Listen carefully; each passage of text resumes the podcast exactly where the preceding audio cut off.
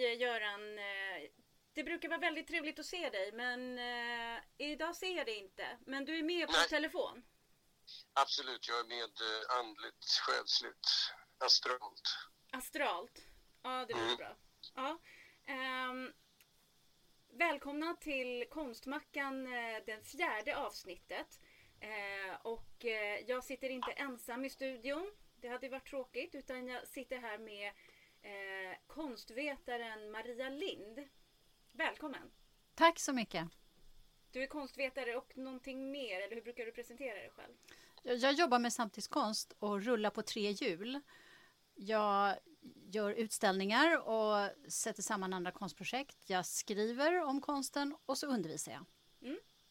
Eh, och eh, det är också eh, din idé och även det något som jag och Göran har pratat om.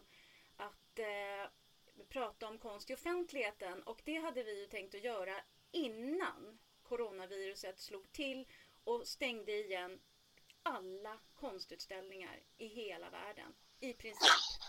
Ja. Eh, och eh, är man konstälskare då, då kan man inte riktigt acceptera det utan eh, man måste hitta andra sätt att eh, uppleva konsten. Och, eh, och det gör ju också att det blir extra synligt, det är extra påtagligt att det faktiskt finns hur mycket offentlig konst som helst. Alltså konst i offentligheten, då tänker man oftast på utomhus eh, skulpturer eller monument eller minnesplatser. Men eh, och till offentlig konst hör ju också sånt som är eh, i offentliga byggnader. Men jag tänkte bara börja med att ställa frågan till dig Maria eh, som har jobbat mycket med offentlig konst i din kuratoriella praktik. Va, va, vilka är det som eh, är beställarna av offentlig konst? Hur kommer det sig att det finns offentlig konst eh, överallt i världen och i Sverige? Det är ju väldigt eh, olika. I Sverige så har vi en tradition där det offentliga har varit beställare i, under 1900-talet. Eh, staten i första hand. Statens konstråd grundades ju 1937. Idag är det också mycket kommuner och även det som vi kallar för regioner. Samtidigt så är det konsthallar och museer som jobbar med konstnärer som väljer andra miljöer än de här institutionernas egna fysiska arkitektoniska rum. Och så förstås många byggbolag som till exempel bygger bostäder som eh, väljer att plocka in konst på olika sätt. Själv har jag jobbat mest med, med konstnärer som när de har fått en inbjudan att göra någonting, till exempel när jag var chef på Tensta konsthall, har sagt att för mig är det just nu intressantast att eh, närma mig en specifik grupp människor och tänka på ett konstverk som inte alls behöver vara på konsthallen men som ändå kan knytas till konsthallen. Um, ja. uh, det finns ju... Just det, det var det jag skulle säga. Man kommer kunna följa med, eller man kan följa med det här avsnittet genom att hänga med på Instagram och där lägger vi upp alla bilder som vi pratar om så att man kan följa med bättre. Och apropå det Göran, nu är det liksom over to you. Eh, Maria nämnde, som hon brukar, väldigt uttömmande, men hon glömde en beställare av monument och det är det eh, konstverk som du har tänkt att prata om. Där är beställaren ingen av dem som Maria radade upp utan Det är helt enkelt en folkrörelse som kallas för arbetarrörelsen som var ganska stark under 1900-talet. Och det var väl också den som pressade igenom att staten och kommunerna blev ganska stora beställare, skulle jag tippa. mm. Och vad är det för Eh, verk vi pratar om? Som är Ja, då pratar vi om det här Brantingmonumentet eh, på Norra Bantorget plus eh, den här mindre lilla statyn av min idol Marcus Palm. Eh, och så finns det ytterligare på samma torg där i närheten ett minnesmärke över en fackförbundsaktivist som hette Anna Sterky. Eh, och det där ligger ju offentligt där. En gång i tiden så hade ju jag tror att arbetarrörelsen eh, hade sina första tillåtna första maj-möten där faktiskt, eh, mitt i stan. Eh, och än idag är det väl så att tåget slutar på första maj i närheten av det här Brantingmonumentet som är ju massivt. Alltså jag fick varje gång, det var ett tag sedan jag tittade på det där, jag, jag får en chock varje gång jag ser det. Jag, liksom, jag, jag krymper som människa först och sen så växer jag kanske, hoppas jag. Eh, för det är väldigt stort där, ett jättelikt bronsstycke antar jag eh, som står där som en vall, en mur helt enkelt eh, med Branting som en jättemänniska och sen under honom eh, arbetare, eh, män och kvinnor eh, ja, som står under på något sätt där. Eh, men går man därifrån bort till LO-borgen, alltså det är bara 25 meter, så möter man en person som man eh, har, möter i ögonhöjd. Och det är August Palm då, som står där med hatten av, lite undergivet listig sådär. Han var ju väldigt listig, eh, karnevaliskt listig sådär. Han lurade ju överheten ganska mycket. Eh, och den eh, lilla statyn får man ju lust att gå fram och skaka hand med på det Så Brantings hand når man ju inte ens upp till. Um, Eh, vad var det jag skulle säga? Jo, kan inte du bara säga lite kort eh, vilka August Palm är och eh, Hjalmar Branting? Bara så här. Ja, August Palm var ju liksom den stora pionjären där. Han eh, arbetade som gesäll, skräddargesäll i Tyskland och där fick han i sig sin tids eh, socialistiska tankar. Då. Eh, och sen kom han till Sverige och eh, höll ett berömt tal. Han åkte runt som agitator, men ett av de första talen han höll var ju det som har fått, eh, fick rubriken Vad vilja Socialdemokraterna? Eh, och det där åkte han ju runt med det där talet och eh, i hela Sverige och var nog den som eh, eh liksom gav eh, energin åt eh, arbetarrörelsen precis där i början. En ganska häpnadsväckande person. Alltid glad. Jag har läst hans självbiografi och det är en häpnadsväckande personlighet. Trots allt han utsattes för av förföljelser så var han ständigt väldigt eh, glad eh, på något konstigt sätt. Jag har alltid trott att det där är sanningen. Alltså att eh, utan, om man inte är glad så går det inte att förändra någonting heller. Det, det, det är något grundläggande. Jag trodde han skulle vara arg han var arg också naturligtvis, men han var samtidigt också alltid munt, munterheten och det bästa ordet. Karnevalisk liksom munterhet inför överheten och eh, övermakten och sånt där. Eh, sen han blev ju väldigt folkligt populär då. Eh, Hjalmar Branting kom ju från, ja, uppifrån i samhället. Han tillhörde de här som gjorde en klassresa nedåt på sätt och vis då, genom att bli engagerad i arbetarrörelsen. Eh, och med tiden blev det ju så att eh, August Palm och Hjalmar Branting hamnade på kollisionskurs kan man säga. Eh, August Palm var ju den som var mer radikal medan Branting var den som tyckte sig vara tvungen att kompromissa i parlament och sånt där. Eh, en helt annan typ helt enkelt. En utpräglad reformist medan Palm var lite mer av revolutionär helt enkelt. Han är ju med i monumentet så, så det är han och en framstående socialdemokrat till som är porträtterade. Resten är bara liksom människotyper. För det stod, jag, det stod jag fundera på nu alltså, när jag var där idag tidigare. Mm. Är det så att det är Mäster Palm som står där längst ner till höger? Ja, jag vet inte om det är till höger. Jo, det är, han står nästan bredvid Branting till höger, men inte allra närmast med skägget och så hatten i handen. Ja, för jag har inte fattat att det är jag har aldrig fattat att det är Palm som står där. Ja. Eh, han borde ha svävat lite grann i himlen ovanför Branting tycker jag. Ja, det är uppenbart att Karl Eld då som har gjort det här konstverket, eh, att han har liksom grävt ner den här eh, eh, vad heter det, Miss, inte fiendskapen men den här liksom fnurran på ja. tråden har han grävt ner och, och eh, skrivit ja. in historien som att eh, August Palm var en, liksom, en follower. Den relationen som du, som du beskriver, Göran, den gestaltas ja. Eh, ganska fint i tv-serien om August Palm som gjordes av SVT på 80-talet som man kan titta på på SVT Play. Va, menar du allvar? Finns det en tv-serie om August Palm? ja. Okej, men i alla fall, det här är en... Eh, äntligen får man veta något vettigt i dessa coronatider. Vad man ska... men... jag visste, det måste jag kolla på. Ja, ja. Det finns en roman också som är väldigt bra om Mäster Palm av, eh, vad heter hon, Alexandra Arundel heter hon väl. Hon skriver ju deckare annars, men hon skrev en jättebra liten roman om August Palm som hette Mäster som kom kanske 97 eller någonting.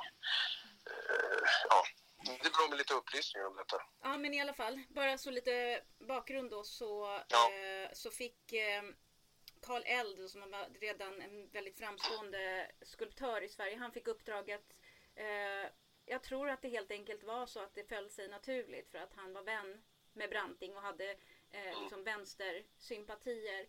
Och, men att det tog ganska lång tid innan eh, hela den här Norra Bantorget eh, formades till ett torg med konstnärlig gestaltning.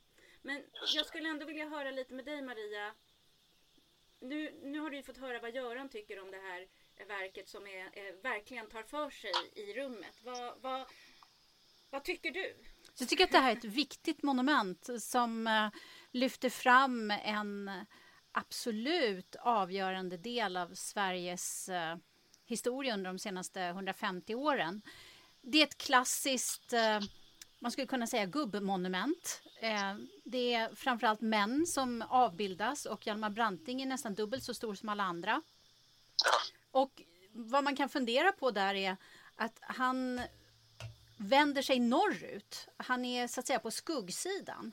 Och det som är på solsidan, på andra sidan av det som du beskrev som en vägg, Göran, så är det text som är ganska eh, storvulen i sina ordval och ganska idealistisk. Och sen är det en sädeskärve på ena sidan och ett vattenhjul på andra sidan. Så att där är det lite mindre figurativt. Det är fler tomma ytor. Vad, vad, jag vill lägga till också Paulina, det är att det var ingen slump att det var Karl Eld som fick det här uppdraget. För han var ju en av få konstnärer vid den här tiden som hade arbetarbakgrund. Eh, han kom ju från eh, norra Uppland, någon gruvort om jag minns rätt. Och eh, mm, fick sen, eh, fick sen eh, studera på Konstakademin. Och eh, ett av Stockholms finaste men mest gömda museer är ju hans ateljémuseum borta vid Bellevue. Har du varit där Göran? Jag har varit, eh, det var ju låst men vi gick omkring i trädgården och det står ju lite verk utanpå där också. Min fru var inne och berättade, hon var inne och tittade på det när det var öppet en gång eh, och det är tydligen verkligen värt att besöka skulle jag tro. Mycket. Ja, jag, jag tycker att det här är ett, eh, ett stiligt monument i en klassisk anda och samtidigt som man tittar på det så tycker jag att det kan vara spännande att fundera på hur jobbar samtida konstnärer med arbetstema och eh, med det offentliga rummet. Och då kommer jag att tänka på Alexandra Pirici som kommer från eh, Rumänien vars verk som är helt performativt, Arbetets monument från Förklara 2016. Performativt. Ja, att det utförs av människor som en handling, som en performance, en liten föreställning. Så att när människor inte är där så finns inte konstverket? Det finns som en instruktion. Mm. Men eh, det går inte att se hela tiden utan det är vissa dagar, vissa klockslag som det uppförs. Och det här har köpts in. Men, men får, jag fråga så, instruktionen, finns den på en platta på platsen så att vem som, vilka som helst kan ställa sig upp och uppföra konstverket? Nej, i det här fallet finns det inte på det sättet utan det finns mm. i Statens konstråds arkiv. Och så okay. kan, om någon vill låna det här verket, så kan de höra av sig till Statens konstråd och be att få instruktionerna. Och så kan det uppföras på annat håll. Mm. Och, men rörelserna i vad de här personerna gör i monumentet, som heter Arbetets monument, det är baserat på intervjuer med framförallt verkstadsarbetare i Göteborg och vilka rörelser de har använt i sitt dagliga arbete. Och sen också personer som jobbar mer inom eh, informationsindustrin och hur då rörelserna förändras. Mm. Jag tänkte göra en så här eh, jag tänkte så här, finns eh, Chopins eh, regndroppspreludier om det inte spelas? Ja, det gör det. Det kan finnas på noter. Det är lite så. Ja, jag tror att det finns, eh, om det en gång har spelats så finns det i evighet, ja. tror jag. Ja, precis. Um, eh, ja, men då kanske vi ska lämna Brantingmonumentet eh, och det Får jag bara säga en sak ja, om Branting? För, det är ändå lite fascinerande det med Branting var ju ja, mer eller mindre vän med August Strindberg och Karl Eld var säkert också, jag vet inte om han var god vän med Strindberg, men han gjorde jo, Strindberg, han var det, ja precis. Eh, så att om man har den här historiska eh, medvetenheten där så, så klingar ju det där eh, heroiska monumentet också långt tillbaka i tiden av, eh, vad ska vi säga, 1880-talets radikalism som formar Branting, Strindberg och förmodligen Karl Eld. Så att det är ganska... Eh, jag tycker att det går trådar ut från det där väggen, den där muren, Branting-monumentet ut till en massa saker. Alltså det, det, det är lite häftigt tycker jag. Mm. Det vill jag bara foga in. En fotnot i sammanhanget är att på Strindbergsmuseet på Drottninggatan så finns bredvid hans gamla telefon en telefonlista med kanske ett dussintal namn och deras telefonnummer. Och där finns också Karl Eld. Wow, wow. Ja. Det, Vilket eh, Strindberg... Eh, skulptur, det finns ju flera i Stockholm. Vilken tänker ni på nu? Var finns den? Det är den där som finns uppe i den där. Jaha, är, ja. är det den som man har som muskulös kropp? Ja. Den är ja, lite precis. larvig tycker jag. Mm, ja, alltså, den, gjordes ju, den gjordes ju redan 1916 tror jag i någon gipsvariant på Liljevalchska ställdes den ut jag råkar jag veta, i juni 1916 eller någonting. Sen dröjde det väldigt lång tid innan den blev materialiserad i brons eller vad det är för något. Eh, men den är ju heroisk på det där jobbiga sättet. Ja. Titanen, jag menar... Det... Ja, nej, men ja, ja. Det, det, var väl bildligt menat men det, liksom, det blir inte, han ser ut som en he docka eh, Men det är ju kul, det är ju kul liksom, ja, Att, äh, att notera. Eh, Göran, eh, hade du konst i skolan? När du var liten? Kom, Nej, har du något minne jag... av att du, hade, att du såg konst när du var i skolan? Vilken skola gick du i förresten? Jag gick i en skola som hette Vidåkerskolan i Lilla Vingåker, ganska nära ett slott faktiskt. Eh, ingen konst där vad jag minns. Eh, eh, vi hade något som hette te te teckning som bestod i att vi alla kastade våra sådana passar upp så de fastnade i taket. Det var jag, vad jag minns. Mm. Men jag fick, jag fick femma i teckning faktiskt, eh, vilket är helt ofattbart. Ehm, ja, det vill vi men, se så småningom. Men ja. konsten var inte närvarande tror jag eh, faktiskt alls. När jag tänker på det så, mm. så eh, var den inte det. Nej, det var den inte. För konst i skolan är ju någonting som du har jobbat med under en längre tid, Maria. Um, och um, kan inte du berätta lite grann om, om konst i skolan? Det är en tradition i Sverige och eh, det har även funnits i Tyskland och Storbritannien sedan andra hälften av 1800-talet. Och det började med stora monumentala muralmålningar, framförallt på läroverken. Eh, I Stockholm till exempel Norra Latin, Södra Latin, men också i, i provinsstäderna. Och eh, det handlade om en syn på människan och uppfostran, att konsten var danande i positiv bemärkelse. Och eh, intressant nog så kom de ofta till för att det var privata donatorer som eh, betalade för det. Och så småningom så formaliserades det här i en förening som hette Föreningen Konst i skolan. Där bland annat eh, prins Eugen var aktiv och eh, Anders Zorn. Och de bidrog också själva till att göra en del av de här verken.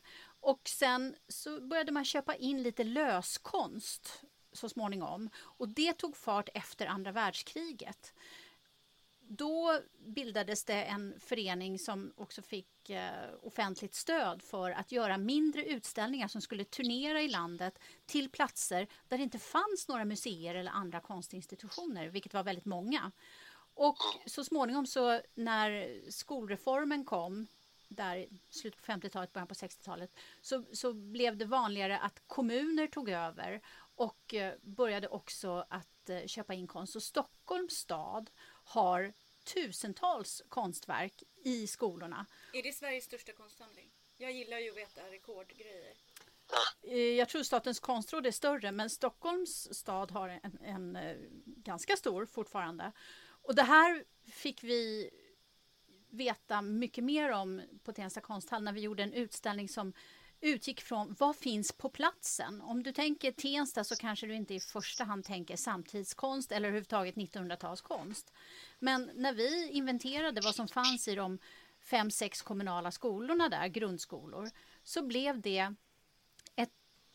Vi lånade in ett 30-tal konstverk från 1890-talet det äldsta verket var en litografi av Carl Larsson, till 1990-talet. Vi kunde alltså göra en utställning om svensk 1900-talskonst bara genom att låna in det som fanns inom 500 meters radie. Och det är inte unikt. Det är inte bara i Tensta utan det gäller i hela Stockholm och i ganska många andra kommuner idag. Inte Vingåker då kanske? Eller? Ja, säg inte det. Alltså, det var ju ett tag sedan jag lämnade Vingåker men eh, konst eh, det fanns ju konstverk tror jag på väggarna i den där skolan men jag kan inte minnas på rak arm vad det var för någonting. Antagligen fick man mer i sig än vad man egentligen fattade. Det, det är jag ganska säker på. Eh, sen fanns det ju nu refererar jag tillbaka igen här. I järnvägsparken i, i Lilla Vingåker så står en liten mindre variant av den här Mäster Palm-statyn där som min morsa till och med var med och samlade ihop pengar till därför att hon var medlem i, hon var sömmerska och medlem i Beklädnadsförbundet och jag tror att den lilla varianten av Mäster Palm står i många mindre orter där det har funnits konfektionsindustri. Och det, det är så konstverk som man gick förbi nästan varje dag faktiskt. Eh, och det har satts i, i centrala nervsystemet tror jag på något sätt. Eh, det är väl vanligtvis så att eh, vi har sett mycket mer konst som unga än vad vi riktigt fattar och att det ligger ändå och verkar där. Alltså alla de här insatserna som har gjorts av både privata donatörer och av, av eh, kommuner och allt möjligt. Det, det tycker jag är fascinerande. Det finns en infrastruktur närvarande i oss som vi inte är riktigt medvetna om. Mm. Ja, och sen är det mycket som, som vi har fått till oss genom någon sorts osmos. Men jag tänker också att det finns ju en otrolig potential här att aktivera den här konsten. Att mm ha samtal kring den, att plocka in den i undervisningen till exempel. Ett av de verk som jag valde ut idag är av eh, Karin Elberg på en skola i Hägersten, närmare bestämt Hägerstens, ham, Hägerstenshamnens skola. Och det är från 2017 där hon har dels eh, målat på väggarna och dels gjort verk på glas. Det är ingjutet i fönsterrutorna. Eh, titeln är Finns i sjön, för den här skolan ligger precis vid Mälaren, vid viken där. Och det är en sorts fantasifulla varelser som man kan tänka sig bor i vattnet intill, men som är ännu lite mer färgsprakande och udda. Och eh, som kanske också liknar det man skulle se om man la en vattendroppe i ett mikroskop till exempel? Ja, jag, jag tyckte det var väldigt bra att du valde ut Jag har aldrig sett det där förut. Jag, jag tyckte det var fantastiskt att se. Jag är väldigt fascinerad överhuvudtaget av eh, konstverk, eh, bilder som svävar i glas för det första. Eh, och de där figurerna som eh, man har det känns just som du säger att i ett mikroskop riktat mot eh, en sjöbotten så skulle man se de där sakerna. Eh, det där är ju exempel på konstverk som förmodligen eh, fortplantar sig i hjärnan på ganska många elever utan att de har en aning om det. Eh, och finns där närvarande tror jag under hela livstiden faktiskt. Det skulle inte förvåna mig.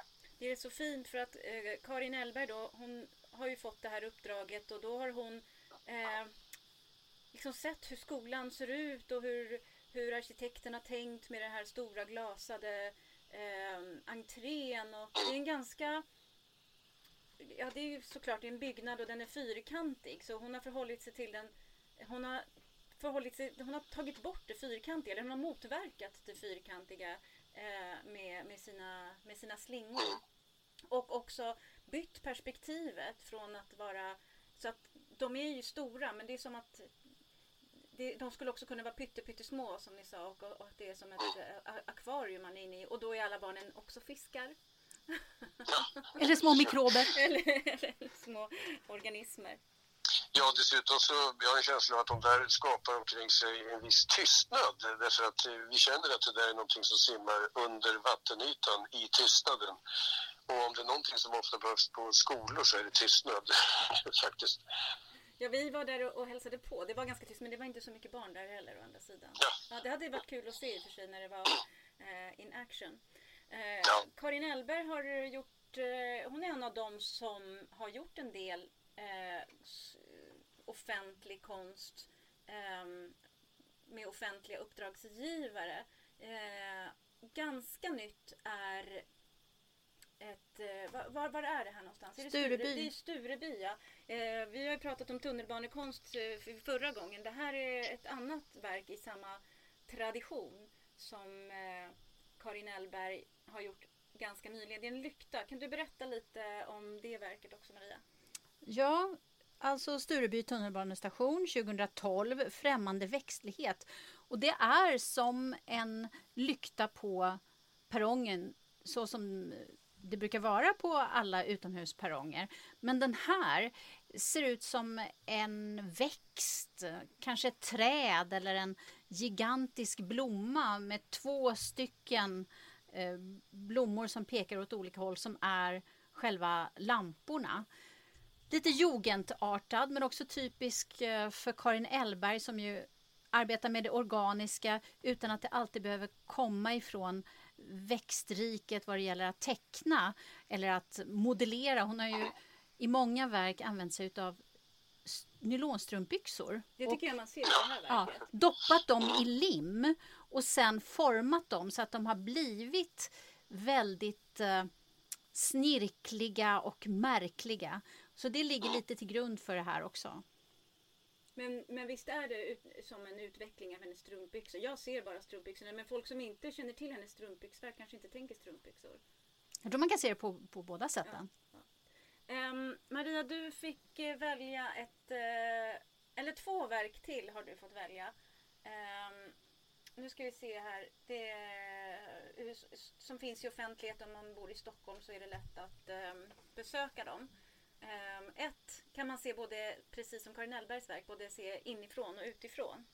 Ja, det är återigen på en eh, fönsterruta och det är Gunilla Klingberg som är absolut mästerlig på att uh, göra mycket, få en stor effekt av någonting som är materiellt ganska litet eller, eller nästan immateriellt.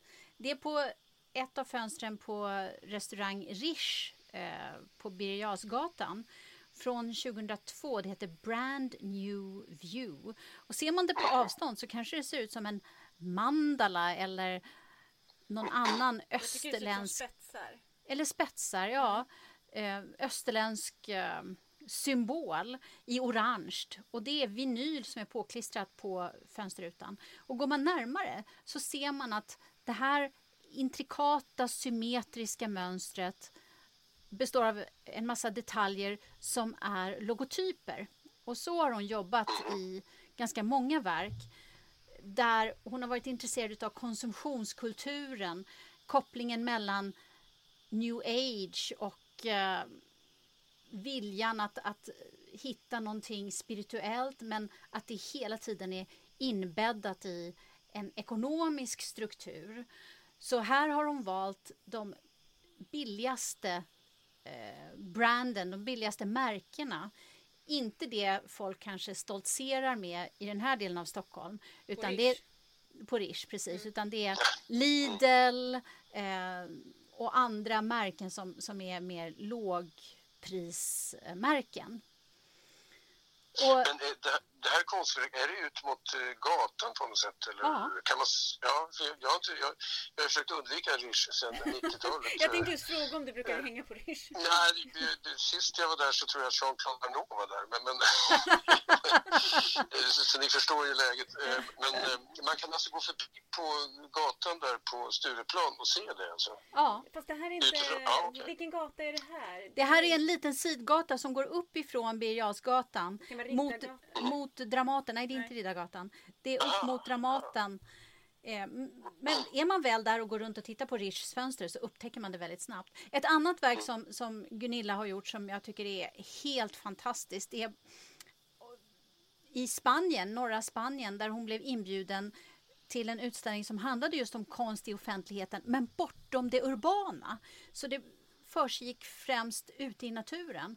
Och där använde hon en sandstrand där tidvattnet rör sig fram och tillbaka. Och så lät hon tillverka en jättestor rulle, ungefär som en stämpel, som sattes längst fram på en traktor som ändå åkte fram och tillbaka på den här stranden för att, att rengöra stranden.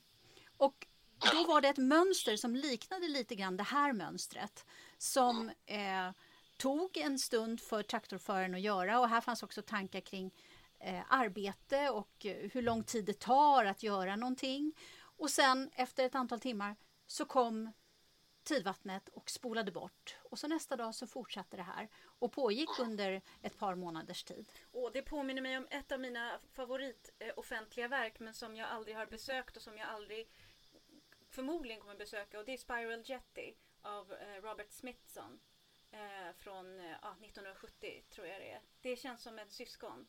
Lite till grann. Ja. Har du sett Spiral Jetty? Nej, det, det syns ju inte längre därför att det här är Salt Lake i Utah och vattennivån har höjts så mycket så att nu är det eh, täckt. Det är alltså en gigantisk spiral som den här konstnären gjorde med hjälp av traktorer och kranar och allt vad det var. Det, så man kan 400 tänka... meter är det. Förlåt? 400 meter Ja. lång spiral är det. Eh, ligger det inne i själva Salt Lake? På något sätt? Ja. Vid kanten? Ja, jag har ju faktiskt varit där och gått runt och tittat ganska mycket. Eh, inom parentes så jag skrev en bok om Joe Hill och då var det ju det problemet att eh, de som var radikala där de fick ju aldrig tillåtelse att resa några minnesmärken eller monument över Joe Hill överhuvudtaget trots att det var där han blev avrättad. Eh, därför att privata fastighetsägare och markägare absolut inte ville ha någonting som påminde om den röda historien där i staden. Eh, ja, bara som en parentes, jag tyckte det var så. Eh, men, det där, men det syns inte. Alltså, det har sjunkit ner. Och sen, det har, ända sedan det gjordes då så har det gått fram och tillbaka. Så ibland ser man det och ibland ser man det inte. Aha, okej. Jag måste bara säga Göran att eh, en av de största kulturupplevelserna jag hade när jag var typ ja, 10-12 år var Riksteaterns Joe Hill-föreställning. Ja, jo, jo, jo. Nej, men det, det, det är lite fascinerande med... Eh, nu har de faktiskt rest... Eh, ja, nu, nu, nu blir det eh, utvikningar, men, men eh, i, hans, i en stad där han bodde ganska länge så har de nu, i USA så har de faktiskt lyckats resa ett monument. Men det är svårt. Eh, Alltså för det här, när vi pratar om offentliga konstverk så är det ju fascinerande att jämföra olika länder. Alltså. Och, då är det ju mycket mer problematiskt i, vissa länder som ja, det privata ägandet är mycket viktigare så att säga. Eh, framförallt i USA. Då. Det är jättesvårt att få till stånd eh, monument Ja, helt men enkelt. det omvända gäller ju också i, eh, där det är en väldigt stark politik som vill Ja, höja en viss, en, en, viss typ, en viss typ av Så Ja, Ja, och, men precis. det är väl Sverige är ungefär mitt emellan där och det är ganska bra. och varje tid behöver kanske också sina egna monument, en eh, annan Ja. typ av monument. Alltså, Brantingmonumentet kan förstås inom ramen för, för den perioden men att göra ett sånt monument idag kan ofta kännas ganska mossigt. Eh, Ja, alltså, Men det är bra att det känner- finns kvar. självklart. Ja, ja, det, alltså, Man jag kan får inte liksom så här, sätta typ så här, Ja. nu ska vi ha en mossig utrensning. Ja, Nej, Alltså, nej. vi, ska, Alltså- vi ska bevara alla tänkbara monument så, vi, så länge de inte kränker hela mänskligheten. Men, men, men jag tycker i och för sig också att det finns behov av det här riktigt monumentala. Alltså det räcker för min del inte bara med eh, varumärken i miniatyr på ett fönster så att säga. Utan, utan jag, jag tycker att det behövs i ett stadslandskap eller vilket landskap som helst de här punkterna som eh, där det nästan blir Stonehenge-varning på det hela. Eh, alltså att vi kliver in i någonting där vi känner att här är det stora kollektiva krafter i rörelse och det saknas ju idag. Alltså. Håller du Eh, med om det Maria? Finns det exempel på liksom, monumental konst som är liksom, monumental i det liksom, 21 århundradet och inte Ja, det här akademiskt klassiska? Ja, ett lyckat exempel är ju Daniels, Daniel Libeskind judiska minnesmärke till, till minne av eh, ja. Förintelsen i Berlin Mm. med de här eh, kuberna i annat, olika... eh, ett underbart sånt här monumentalt monument, jag vet inte vad det heter, det, heter någonting med eh, det ska vara någon symbol för människan alltså i, eh, i norra England. Eh, Gud, vad heter han nu då? Jo, det är Eh, Anthony Gormley, fast det tycker jag är väldigt kitschigt, måste jag säga. Ja, jag tycker det där är starkt. Alltså, nu, nu har jag fått det på hjärnan bara för att det dyker upp i vignetten till en tv-deckare som gick ganska länge. eh, det singlar förbi i en engelsk deckare där. Men jag tycker att det finns, alltså, jag tror att konstnärer bör försöka emellanåt att leta efter de här monumentala punkterna där man verkligen kan samla en stor erfarenhet i ett stort monument. Det, det är viktigt det också, Ja. så att säga. Men det kan men, men då måste man hitta den ton som är rätt för sin egen tid. Ja. Och det kan också vara ett tomrum.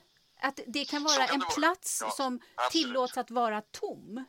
Ja, det är ju lite grann så med det här monumentet över tsunamins offer där som är ute på, vad det nu är någonstans, Djurgården. Eh, Det är ju en oerhörd enkelhet i de här vågorna, ni vet. eh, eh, Jag vet, jag kommer inte ihåg vad hon heter nu, en dansk konstnär som har gjort den här stora Eh, Po- Porsager. Lea Porsager.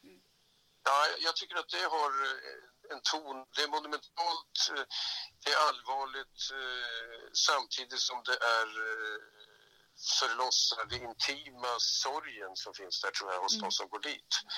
Eh, Men ett annat exempel på ett, ett lyckat monument som ju är landskapsarkitektur och arkitektur är Skogskyrkogården. Ja, sant, Så, verkligen. så att det kan också vara en byggnad, det kan vara en plats. Men kanske mitt Ja. favoritexempel är ju ändå i Gwangju i Sydkorea. Där det 1980, nu är det ju faktiskt eh, 40-årsjubileum, var en fruktansvärd massaker som eh, diktaturen gjorde på fredliga demonstranter. Och när demokratin kom till Korea så var det några i kommunen i Gwangju som ville resa ett monument över den här händelsen. Men de var smarta nog att inte göra en staty utan istället inrätta en biennal. Så att från Ja, jag 95 förstår, ja. och framåt så är det ena året en designbiennal som är internationell, andra året en konstbiennal också internationell.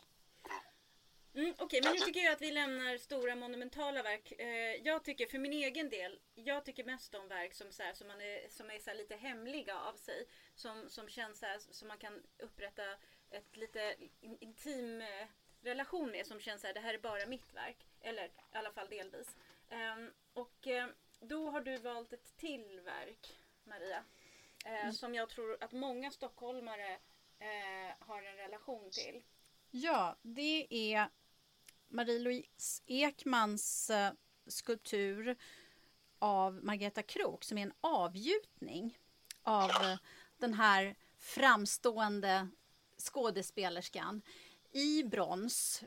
Väldigt olikt det Marie-Louise brukar göra som ju för det mesta är måleri, teckning och objekt med en absurdistisk prägel. Ofta kopplat till relationer mellan människor. Här är en enskild människa, det är en eh, avgjutning så det är skala 1 till 1. Eh, men Margareta Krook är varm. Så går man fram och känner på den här skulpturen, vilket väldigt många människor har gjort för att den är alldeles blank på magen och på näsan till exempel, så känner man ungefär vad som skulle vara hennes kroppsvärme.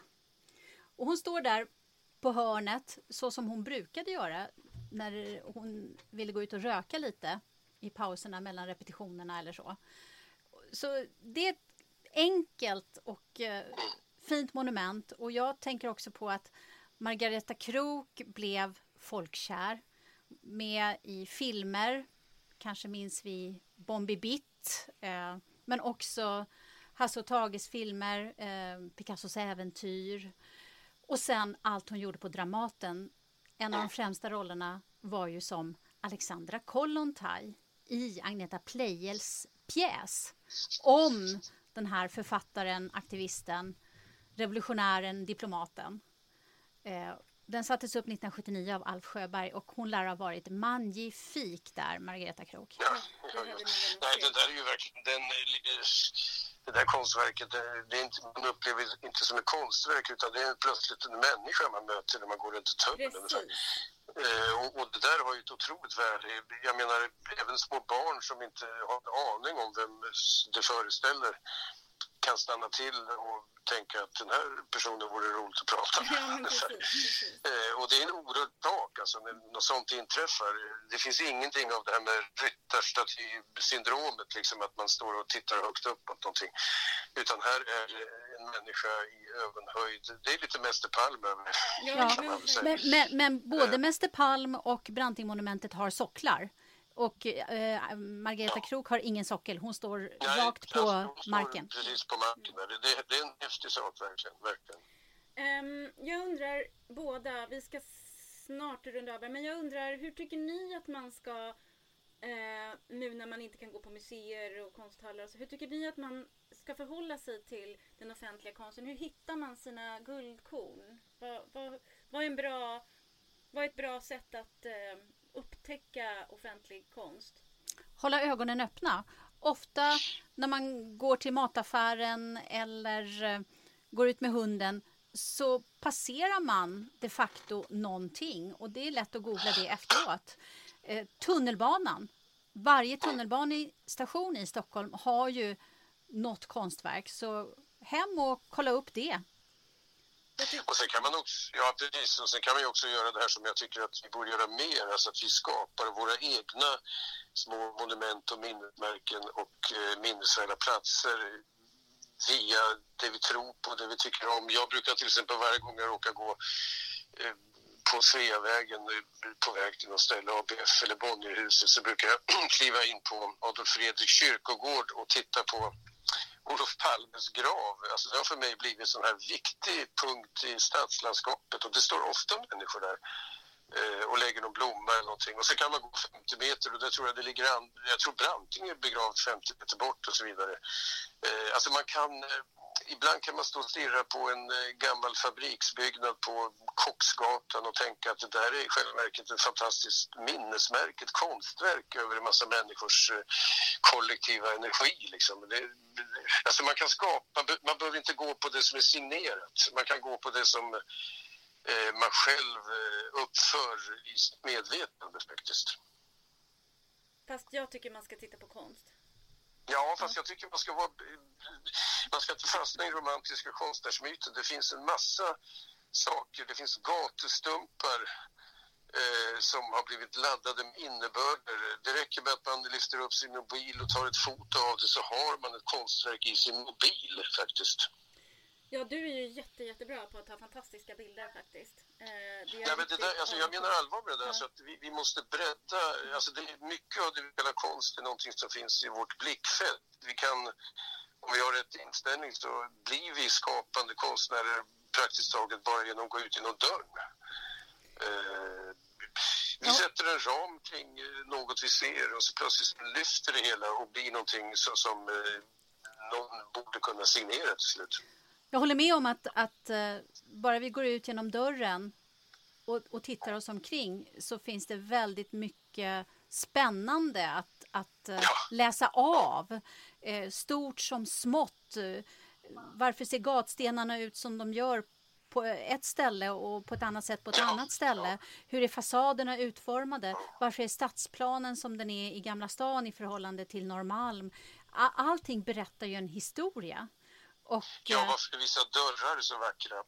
Ja, till exempel. Jag menar, man kan, men jag håller med om att det är klart att det här är en konstpodd. Vi ska prata om eh, verk också i någon mening. Det tycker jag verkligen. Men jag vill ändå bredda det för att... Ja, ja. Nej, men absolut. Eh, jag, jag, jag, hade, jag hade inte konst i skolan så jag måste försöka bredda det på andra sätt.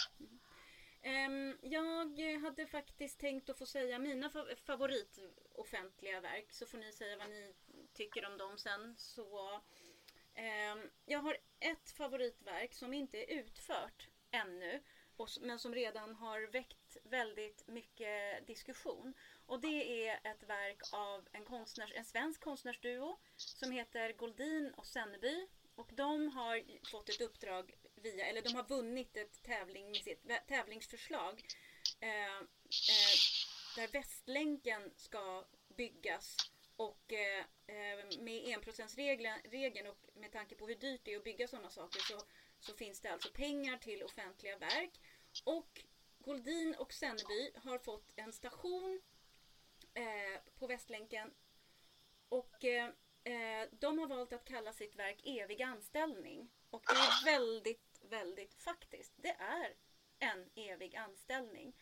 Och eh, det kommer vara ett eh, litet eh, stationshus eh, och eh, det finns redan en eh, platsannons eh, författad av en poet faktiskt eh, som beskriver den här personen som då ska anställas i evighet. Ja, vad den ska göra med, med stämpelklocka och vad som gäller. Och, ja, såklart så är det inte så här eh, en livstidstvång men, men, men om den vill så får den jobba eh, hela livet.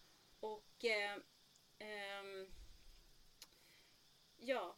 Ehm, Bara den titeln. Eh, ja, det, det, är ju, just det, det var det jag skulle ja. säga.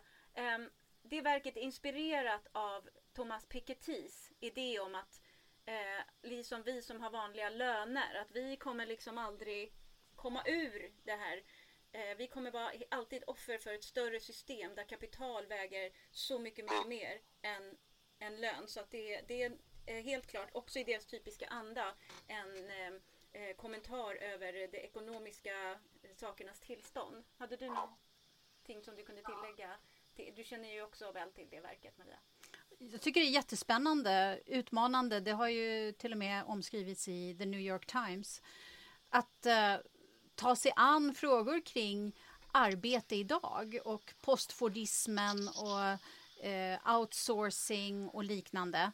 Det har ju de tematiserat nu i 15 år i sitt konstnärskap. Och här tänker jag på det vi började med, Göran, med, med Branting och, och folkrörelserna och arbetarrörelsen i synnerhet. Att det är dags för en uppdatering kring konst som tar sig an frågor om arbete. För det är en väldigt viktig strömning under de senaste två decennierna. Nej, men jag, det där är verkligen sant. Alltså det, jag, jag, jag brukar ju, det är verkligen så att eh, problemet är att när man säger sådana ord som arbete, arbetarklass så sitter man fast i framförallt industriellt arbete. Eh, alltså om det är någonting som är evigt föränderligt så är det arbete.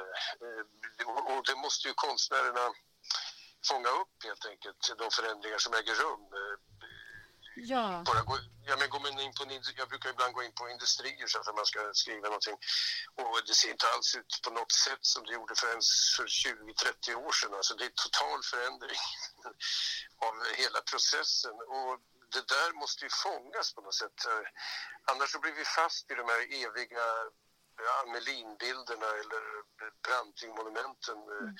Och det där förlorar de progressiva krafterna på. Så man måste vara uppdaterad. Ja. Det finns ingen väg förbi detta, så helt klart. Och det finns jättemycket spännande konst som, som eh, har gjorts i Sverige och på andra håll som jag önskar att, att eh, svenska arbetarrörelsen kunde ta till sig och göra som en del av en tradition. Och den här föreställningen om en arbetarkonst formades under en viss tid. Idag kanske man inte kan prata om arbetarkonst men man kan prata om konst som tar sig an frågor kring arbete.